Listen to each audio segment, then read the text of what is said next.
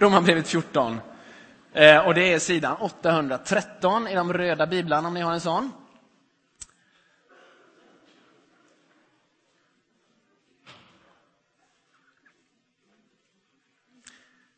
Den som är svag i tron ska ni godta utan att sätta er till doms över olika uppfattningar. Den enes tro tillåter honom att äta vad som helst, medan den som är svag i tron bara äter grönsaker. Den som vågar äta ska inte förakta den som inte gör det. Den som inte vågar äta ska inte döma den som vågar. Gud har ju godtagit honom. Vad har du för rätt att döma den som är i en annans tjänst? Om han står eller faller angår bara hans egen herre, men han faller inte. Ty Herren är stark nog att hålla honom upprätt. Den ena gör skillnad på dagar, för den andra är de alla likvärdiga. Var och en ska vara fast i sin övertygelse. Den som alltid tänker på vad det är för dag gör det för Herren, och den som äter gör det för Herren. Han tackar ju Gud. Den som inte äter avstår med tanke på Herren, och han tackar också Gud. För ingen av oss lever för sin egen skull, och ingen dör för sin egen skull. Om vi lever, lever vi för Herren, och om vi dör, dör vi för Herren. Vare sig vi lever eller dör tillhör vi alltså Herren.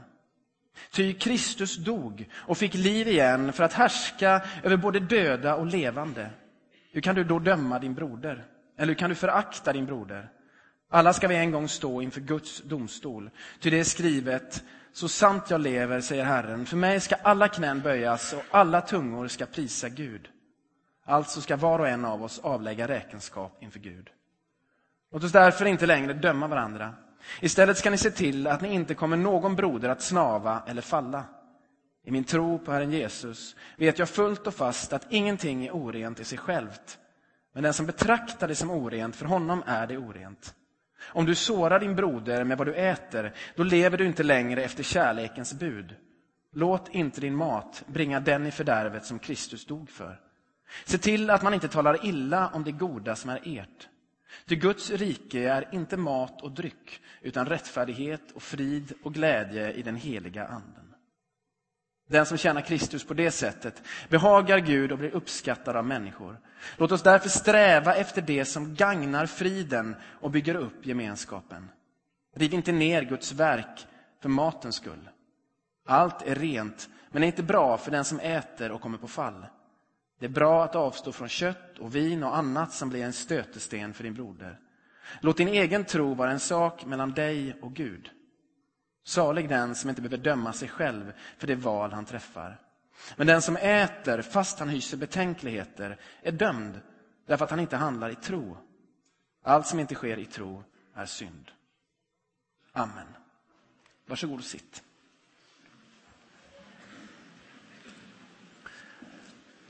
Det kunde vara svårt att leva som jude i Rom.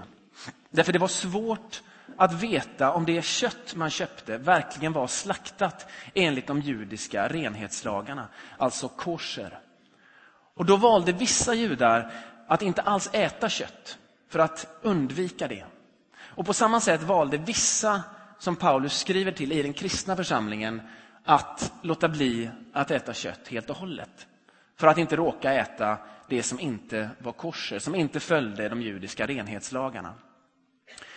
Ehm, det kunde vara judar som hade blivit troende. Det kunde också vara människor som kom från en annan religion och som för att vara liksom helt säkra på att de hade bytt, liksom omfamnade även de judiska renhetslagarna. Sen fanns det andra, som Paulus själv, som eh, förhöll sig fritt till mat och dryck. Eh, och Det kunde vara judar och det kunde vara människor som hade vuxit upp utan de judiska renhetslagarna. Och då talar Paulus in i den här situationen och han, han ber församlingen att vara försiktiga med varandra. Att den som har funnit sanningen, den som har en uppfattning som är klar och tydlig, och Paulus själv är ju väldigt klar och tydlig med vad han tycker i den här texten. Han förhöll sig fritt till de här sakerna. Men han ber dem var försiktiga med varandra. Tvinga inte på varandra er uppfattning. Därför då finns det en risk att ni gör kärleken om intet. Alltså att ni bryter mot det viktigaste för att ni är så nitiska när det gäller vissa saker. Tänk på kärleken och ta vara på varandra. När ni försöker tvinga på någon er uppfattning, ja då finns det en risk att ni inte respekterar den människans väg med Gud. Den människans gudsrelation. Och att ni inte inser att ni faktiskt inte vet hur den relationen ser ut. En annan människas relation med Gud är ett mysterium. Vi vet inte precis hur den ser ut. Och Det är också så att du liksom inte litar på Guds kraft i så fall. Alltså, om han står eller faller angår bara hans egen Herre, men han faller inte. Nu är jag på vers 4. Ty Herren är stark nog att hålla honom upprätt. Alltså att man får lita på att Herren har styrka att hålla din nästa upprätt. Det är i korthet vad det här brevet handlar om. Den konflikt han liksom talar in i. I vår församling så är korser inte en stor fråga, kan man säga. Ehm, men de ord som Paulus talar till Rom, till den församlingen, de orden kan på något märkligt sätt, och det är väldigt märkligt med Bibeln, men när man läser de här orden så kan de bli levande för oss i det som vi står i. Och det jag hör när jag läser det här kapitlet, det är några situationer som vi står i och där Gud kanske vill säga oss någonting. När du läser detta, och det hoppas jag att du gör, eller när du gör det, så kanske du hittar andra saker. Men det här är det jag har hört. Och jag har hört ett ord till dig som har vuxit upp i en sträng miljö. Där det var kanske ganska mycket fokus på livsstilsfrågor eller vissa beteenden. Och det kan ha varit så att den hängivenhet som fanns där, som vi inte nu i efterhand, jag inte i varje fall, kan döma. Men det skapar en viss miljö där du kände dig bedömd. Där du kände dig kanske till och med dömd. Och där det har satt sig liksom i ditt liv. Och att du går och tittar dig över axeln lite grann. Gör jag fel? Gör jag rätt? Om människor var lite för duktiga på att gå in och uttala vad som var rätt och fel i ditt liv.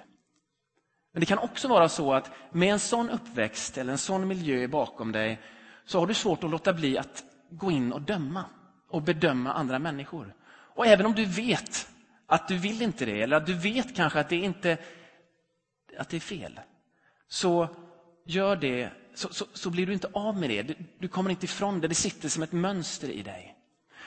Och, och hur du än har liksom präglats av den miljön, så gör det att du ibland har svårt att närma dig andra människor. Att, att komma andra människor vid, därför att du har sådana minnen, sådana sår av det. Att du är rädd att återigen bli bedömd, dömd, kanske till och med fördömd. Men det gör också, risken finns också att du får svårt, om jag nu vänder mig, liksom, nu vänder jag mig till er innan och nu vänder jag mig dit som om Gud var där. Gud är där också. Men om vi tänker oss liksom korset där, att du får också svårt att relatera till Gud. Därför, på grund av de här såren. Och till den situationen så vill Paulus säga i det här kapitlet väldigt tydligt att Kristus dog för dig. Han dog för dig. Och i vers 22, låt din egen tro vara en sak mellan dig och Gud. Alltså den som kommer in i din i den relationen och försöker ta Guds plats och berätta vad som är rätt och fel. I varje fall när det sker på ett hårt sätt. Den personen har inte riktigt där att göra. Därför den går in i Guds plats. Gud ska döma, står det väldigt tydligt i det här kapitlet. Inga andra människor, utan Gud. Så, så känn dig fri i det. Kristus har dött för dig, för att rädda ditt liv. Så viktig är du. Men sen finns det också den andra hållningen. Bland oss och i oss. Och nu rör jag mig liksom till andra sidan här för att markera det. av plattformen. Och här borta så finns friheten. Alltså du som känner dig fri. Du som kanske inte alls känner igen dig i det som jag just sa. För du lever fri. Det kan vara så att du har funnits där och så har du frigjort dig från det och så har du kommit hit och du känner att du är fri. Men det kan också vara så att du har vuxit upp i ett samhälle, till exempel Sverige, där den individuella friheten är det högsta värdet. Och så läser vi läser jag eller du det här kapitlet och så nickar vi instämmande när Paulus talar om friheten i förhållande till sådana saker som mat och dryck och så vidare. Just så fri är jag. Kanske du tänker. Så kan jag tänka. Och I så fall så utmanar det här kapitlet dig på ett annat sätt. Det utmanar dig med en fråga. Är den friheten du lever i, är det verkligen samma frihet som Paulus lever i? Det finns nämligen olika friheter. Hur får man reda på vilken frihet man lever i? Jo, om vi frågar oss varifrån vår frihet kommer och inför vem vi lever med den friheten. Vi lever våra liv så fria. Vad får vi för svar då? Och om det är så att din frihet går tillbaka på detta samhälles kanske viktigaste religion, nämligen den individuella friheten. Den som säger att jag lever mitt liv och du ska inte blanda dig i mitt liv. Du har inte rätt till det. Sköt dig själv och skit i andra. Om ni ursäktar uttrycket. Men ibland ska man kalla en spade för en spade. För det är nämligen det som ligger i den här individuella friheten som är så viktig i vårt samhälle. Alltså, jag lever mitt liv. Och Det har jag rätt till enligt det här samhällets liksom grundläggande regler och lagar. Det, den friheten, den har människor bestämt sig för. Och om vi tittar liksom idéhistoriskt på det så kommer vi tillbaka någonstans till 1700-talet. Till liberalismens framväxt och hur den fortplantar sig i franska revolutionen, amerikanska revolutionen, i amerikanska grundlagen, i FNs eh, deklaration över de mänskliga fri och rättigheterna. Eh, den typen av processer går det tillbaka till. Men det är människor som har bestämt sig att jag är fri som människa. Och jag har rätt att leva mitt liv inför mig själv. Det är jag som bestämmer själv. Med den friheten så är det inte heller så säkert att det blir så lätt att leva med andra människor. Därför andra människor har liksom inte rätt att blanda sig. Och det är inte heller säkert att det blir så lätt att leva med Gud. Därför att du är liksom lite grann din egen Gud. Du bestämmer själv. Du ansvarar inför dig själv. Du gör vad du vill, så länge du inte skadar någon annan eller inkräktar på någon annans frihet. Är ni med? Kan man tänka sig en sån här frihet? Känner ni igen det liksom i ert tänkande, i er själva? Att man kan tänka så här. Mitt liv är mitt liv. Och den friheten är inte riktigt Paulus frihet. För Paulus frihet den går inte tillbaka till 1700-talet, den går inte tillbaka på svensk lagstiftning eller på vårt välfärdssamhälle. Nej, Paulus frihet den går tillbaka till en person som heter Jesus. I vers 14, i min tro på Herren Jesus vet jag fullt och fast att ingenting är orent i sig självt. Det går tillbaka till Jesus, när Jesus förklarar all föda ren. Ni kan läsa om det i Markus 7 eller Matteus 15 eller läsa Apostlagärningarna 10. Det är samma sak. Alltså all föda är ren. Men hur kan Jesus förklara all föda ren? För oss är det kanske självklart, men man måste fråga sig det därför att det här var en grundläggande del. Renhetslagarna, korser och så vidare, de var en grundläggande del av relationen mellan Guds folk och Gud. Alltså förbundet mellan det judiska folket och Gud. Hur kan han sätta de lagarna ur spel? Då måste vi fråga oss, varför fanns det ett förbund? Vad fyllde förbundet för syfte? Jo, förbundet var en lösning på ett problem. Ett problem som börjar ända långt tillbaka i Första Mosebok. I Första Mosebok, Mattias har du en, där precis. I Första Mosebok så börjar berättelsen om människan och Gud. Och där berättas det hur människan föds fri. Ungefär som man tänker sig i liberalismen. Människan föds fri och har rätt att vara fri och förverkliga sig själv. Men här är skillnaden att människan skapas fri tillsammans med Gud. Och lever tillsammans med Gud i det som kallas för Edens lustgård. Och där råder det frihet och harmoni mellan människor och mellan människor och Gud. Det finns bara en sak man inte får göra där. En sak som liksom inkräkta på friheten. Man får inte äta av frukten från ett visst träd. Och så in i denna frihet, in i denna tillvaro, så kommer det en röst. Och den kallas för ormen. Och det är vers 4 i kapitel 3 i Första Mosebok. Och jag ska läsa där. Ormen sa, ni kommer visst inte att dö. Men Gud vet att den dag ni äter av frukten öppnas era ögon och ni blir som gudar med kunskap om gott och ont. Ni blir som gudar med kunskap om gott och ont. Det påminner ganska mycket om den här friheten egentligen. Alltså att vi själva är gudar, vi bestämmer själva. Kvinnan såg att trädet var gott att äta och det var en fröjd för ögat och ett härligt träd eftersom det skänkte vishet. Hon tog av frukten och åt. Hon gav också till sin man som var med henne och han åt. Då öppnades deras ögon och de såg att de var nakna och de fäste ihop fikonlöv och band dem kring höfterna. Vad är det som händer där? Alltså den börjar med ett löfte om en sån frihet. Att få vara sin egen Gud, att inte behöva liksom vara underordnad någon, lyssna på någon. Och så äter de frukten och så hamnar de här borta. Där jag var innan. Eller hur? De blir rädda för varandra.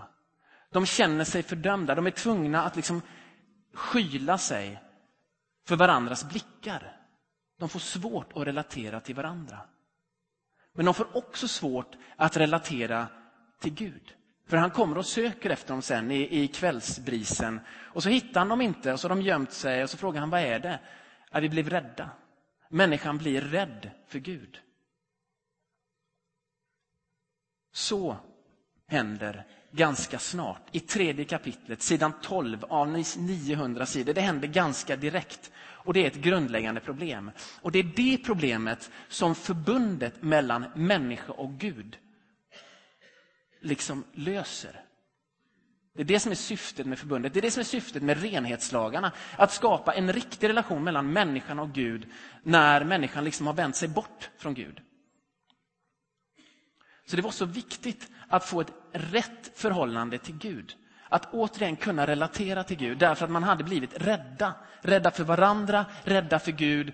Och genom renhetslagarna så får man en ny renhet. Man följer sabbaten, man följer renhetslagarna, man omskär sig och så vidare. Alla de här reglerna de är till för att återetablera relationen med Gud. Hur kan Jesus upphäva det som utgör själva relationen mellan människa och Gud? Han kan upphäva det därför att han själv är den relationen. Allra tydligast är han det på korset. Där ser man allra tydligast att han förkroppsligar en ny relation mellan människa och Gud. Hur då? Jo, därför att på korset så visar han hur man kan lyda Gud in i det allra yttersta. Alltså det som Adam och Eva inte kunde göra. Det gör Jesus. Jesus lyder ända in i döden. Men det är också så, det är inte bara så att han visar liksom en mänsklig väg, en lydnad som är otrolig, en hängivenhet som är otrolig, utan han förenar också där Guds hängivenhet med den mänskliga hängivenheten. Alltså där visar han hur mycket Gud älskar oss. En ny relation mellan människa och Gud. Och därigenom, genom sin egen hängivenhet, genom sin egen lydnad, genom korset, genom den försonande döden, då har han uppfyllt renhetslagarna. Alltså, det är egentligen inte så att han avskaffar renhetslagarna, utan han uppfyller dem genom att själv vara helt igenom ren. Genom att etablera en fullständig relation med Gud. Och det är därifrån Paulus får sin frihet. Det är alltså ingenting som en människa har bestämt för, utan han får sin frihet från korset, från Jesus, från Guds handlande i Jesus. Då blir allting rent, därför vi får ett nytt förhållande med Gud. Är ni med? Kanske? Det är, det är där som Paulus finner ursprunget till sin frihet. Men det gör också att hans frihet får en annan karaktär. Han lever sitt liv inför någon, ansvarig inför någon. Vi ska läsa från kapitel 14 igen. Från vers 6. Så ska vi se hur denna vetskap, därför det är nämligen så att man kan veta om detta som jag har berättat för er utan att det gör någonting med ens liv. Man kan veta om det här, korset, den nya relationen, en ny möjlighet. Men det som är fantastiskt i Paulus brev det är att vi ser att han inte bara vet om det, utan han ställer in hela sitt liv på det. Vi läser från vers 6. Den som alltid tänker på vad det är för dag gör det för Herren. Alltså om du väljer att tänka på dagarna, ja, men om du gör det för Herren. Och den som äter, ja men han gör ju det för Herren. Och den som och han tackar Gud. Och den som inte äter avstår med tanke på Herren och han tackar också Gud. Hör ni hur mycket för Herren, tacka Gud, på Gud det är här? För på mig så gör det intryck. Ty ingen av oss lever för sin egen skull och ingen dör för sin egen skull. Om vi lever, lever vi för Herren. Om vi dör, dör vi för Herren. Vare sig vi lever eller dör tillhör vi alltså Herren.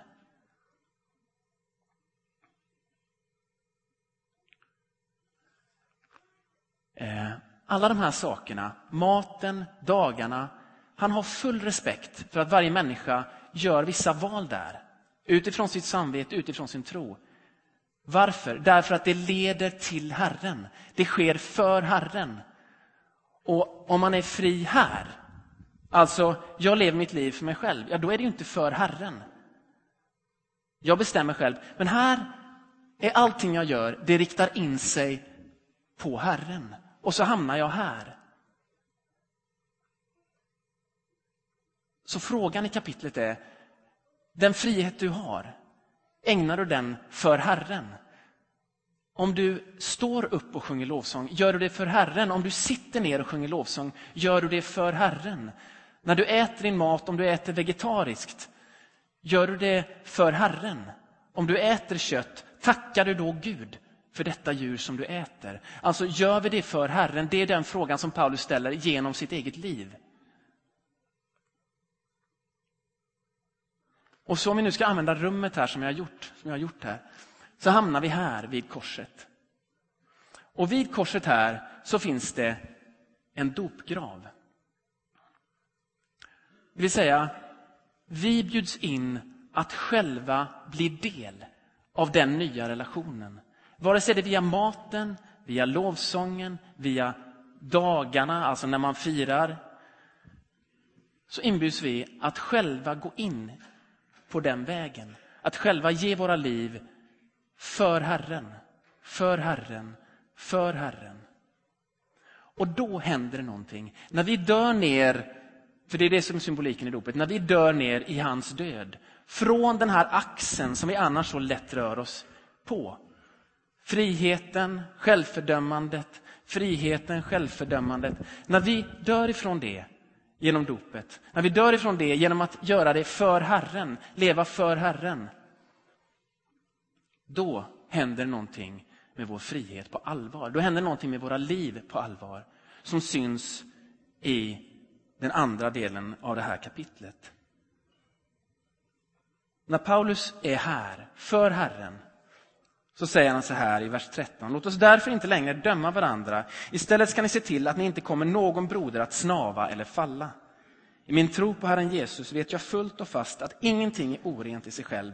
Men den som betraktar det som orent, för honom är det orent. Om du sårar din broder med vad du äter, då lever du inte längre efter kärlekens bud. Alltså, han skickas rätt i famnen på sin broder och sin syster. I en omsorg om att det jag gör, det jag äter, det jag dricker, måtte det inte få någon på fall. Alltså, kommer man så nära Gud, då kommer man också så här nära människor. Då bör man röra sig i den här axeln som går mellan korset och andra människor. Och Det första han säger är, ha omsorg så att de inte faller. Och sen går han in på ännu mer kraftfullt. Till Guds rike i vers 17, till Guds rike är inte mat och dryck utan rättfärdighet och frid och glädje i den heliga anden. Och så vers 19. Låt oss därför sträva efter det som gagnar friden och bygger upp gemenskapen. Låt oss sträva efter det. Om man kommer så nära Gud, om man lever sitt liv för Herren, ja då hamnar man i famnen på sina syskon. Så att de inte ska falla och snava. Och så strävar man efter att bygga upp friden. Eh, då strävar man efter att gagna friden och bygga upp gemenskapen. Och här skulle jag vilja att vi tittar på ordet sträva. För sträva, jag vet inte vad ni tänker när ni hör sträva, men jag tänker sådär att man, ja, man vill någonting. Men tittar man på det bokstavligen så är det snarare fullfölja en väg. Och John Stott han översätter detta med att göra varje ansträngning för att gagna friden och bygga upp gemenskapen. Att göra varje ansträngning för att gagna friden, det vill säga att, att försöka gagna det som är freden och friden och försoningen mellan oss. Och bygga upp gemenskapen, det vill säga uppmuntra varandra, se varandra på riktigt. Och där tror jag att vi som församling har en utmaning. Därför vi fastnar ganska enkelt på den här axeln. Frihet, rädsla, självfördömande. Där vi egentligen inte kommer varandra vid och vi kanske egentligen inte heller kommer Gud vid. Den risken finns, i alla fall i mitt liv. Och då behöver vi ha respekt för varandras vägar till Gud. För Herren, för Herren, för Herren. Hur blir mitt liv sådant så att jag ställer in mitt liv på Herren? För mig så blir det väldigt konkret. Jag måste börja dagen med att läsa Bibeln och be. Måste och måste, jag gör inte det hela tiden. Det, det, det, gör jag inte. Men det händer någonting med mitt liv när jag gör det. Då börjar mitt liv rikta in sig på för Herren. Och när jag inte gör det, då glider jag ner hit. Då blir jag min egen Gud. Och så glider jag bort hit. Och så märker jag att jag börjar fördöma mig själv eller bedöma andra människor. Och så inser jag, nej, för Herren. Och så inser jag att ja, jag måste ju be. För jag har lärt känna mig själv. Jag vet att så funkar jag. Och så hade jag några kompisar som tyckte att jag var lite, vad man kanske idag säger, tvångig när det gällde bönen. Alltså lite väl sådär. Jag var så noggrann och sådär. Tyckte, kan du inte släppa det? Liksom? Du, du är fri i, i Kristus och så. Och så, ehm, ja, men så lyssnade jag på det. Sådär, va? Man, man lyssnar på sina eh, bröder, var det i det här fallet. Eh, och så eh, lät jag bli med det. Och så hamnar jag här. Emellan. Men jag ska vara fri. Jag ska vara fri. Jag ska inte liksom jag ska inte eh, hålla på och liksom tvinga mig själv att be. Om jag sådär. Eh, nej, för mig funkar inte det. Jag, måste, jag vet hur jag måste börja min dag. Jag, må, jag måste vara här och, och, och, och, då måste jag ha respekt för mig själv. Så här ser mitt liv ut. Och så får jag säga till dem när de tycker att jag är tvångig. Ja, sån är jag. jag så här ser mitt, någon annan måste börja dagen med lovsång. Någon annan måste sluta dagen med lovsång. Någon måste alltid tacka Gud för maten. Men låt oss ha respekt för varandras sätt att se till att våra lev, liv lever helt för Herren. Jag lever mitt liv. Och jag, jag har lärt känna vad jag behöver för att det ska bli så här. Och jag vill att det ska bli så här, för när det blir så här, att jag lever för Herren, ja, då börjar jag växa kring Herren. Återigen, om vi använder rummet, då, väx, då börjar jag växa som ett träd kring korset. Växa upp kring det. Då bestäms min frihet av det. Inte av en massa annat. Då bestäms min frihet till omsorg om de som finns omkring mig. Och jag vet inte, men jag tror att den friheten faktiskt är större än den friheten som finns här borta. Jag talade med några häromkvällen och de beskrev hur det är att plugga. Eh, vi pratade studieteknik och sådär och så beskrev de hur det är när de får en hemtenta. En hemtenta är ju som en examen, en, en, ett prov och så kan man sitta hemma med det själv och göra det under en veckas tid kanske eller några dagar. Det var det värsta som fanns därför att det var så mycket frihet. Och de bestämde, ja men nu ska jag plugga 25 minuter, ska jag gå en promenad, ska jag plugga 25 minuter och så ska jag äta lunch och ska jag sådär va. Och då var det, beskrev, det var en av dem som beskrev det så bra, att när jag har bestämt mig för det, då är det som att någonting i mig säger revolt! Precis så sa han. Protest! Jag är fri! Och så gjorde han något helt annat, satte han på ett dataspel eller jag vet inte. Så, alltså, är man så fri, då är man lätt styrd av en frihetens tyranni. Därför jag måste bejaka det jag råkar vilja. Jag måste bejaka det som jag just nu känner för eller vill. Och det är ju ingen frihet, egentligen. Det är så fritt så att jag vet inte vart jag tar vägen. Om jag ska bli fri, när jag blir fri, då blir jag det här, vid korset, med Jesus. Då blir jag fri att göra det jag egentligen vill. Att ge mitt liv för er. Nej, men för, för mina närmaste. Och då trivs jag riktigt bra med livet. När jag finns här. För Herren, för er, för Herren, för henne, för honom, för Herren. Vi ber. Tack Gud för att vi får inte bara veta om din försoning, inte bara veta om att det finns en ny relation med dig. Där det egentligen inte spelar så stor roll vilken mat vi äter, eller vilka högtider vi håller, eller vilka dagar vi är lediga, eller om vi står upp eller sitter ner när vi sjunger lovsång. Men den som spelar roll, Herre, låt oss få fatt i det som spelar roll. Att det blir för dig, att vi verkligen söker en väg till dig som är vår egen väg. Och att vi liksom tillåter andra, men inte för mycket, att liksom vara där och bestämma hur vår väg ska se ut med dig. Hjälp oss här att hitta vår väg till dig så att det blir för dig. Så att vi verkligen får leva i korsets frihet. Och må gott av det. Och hitta vår uppgift inför andra människor och verkligen göra varje ansträngning för att gagna friden och bygga upp andra människor. Tänk Herre, om vi ännu mer fick vara med om det. Tack Herre för det vi ser av det. Tack för den inspiration vi får av människor som vi ser lever på den här axeln mellan korset och människor. Hjälp oss Herre, dra oss ur vår pendelgång mellan individuell frihet och eh, självfördömande eller rädsla.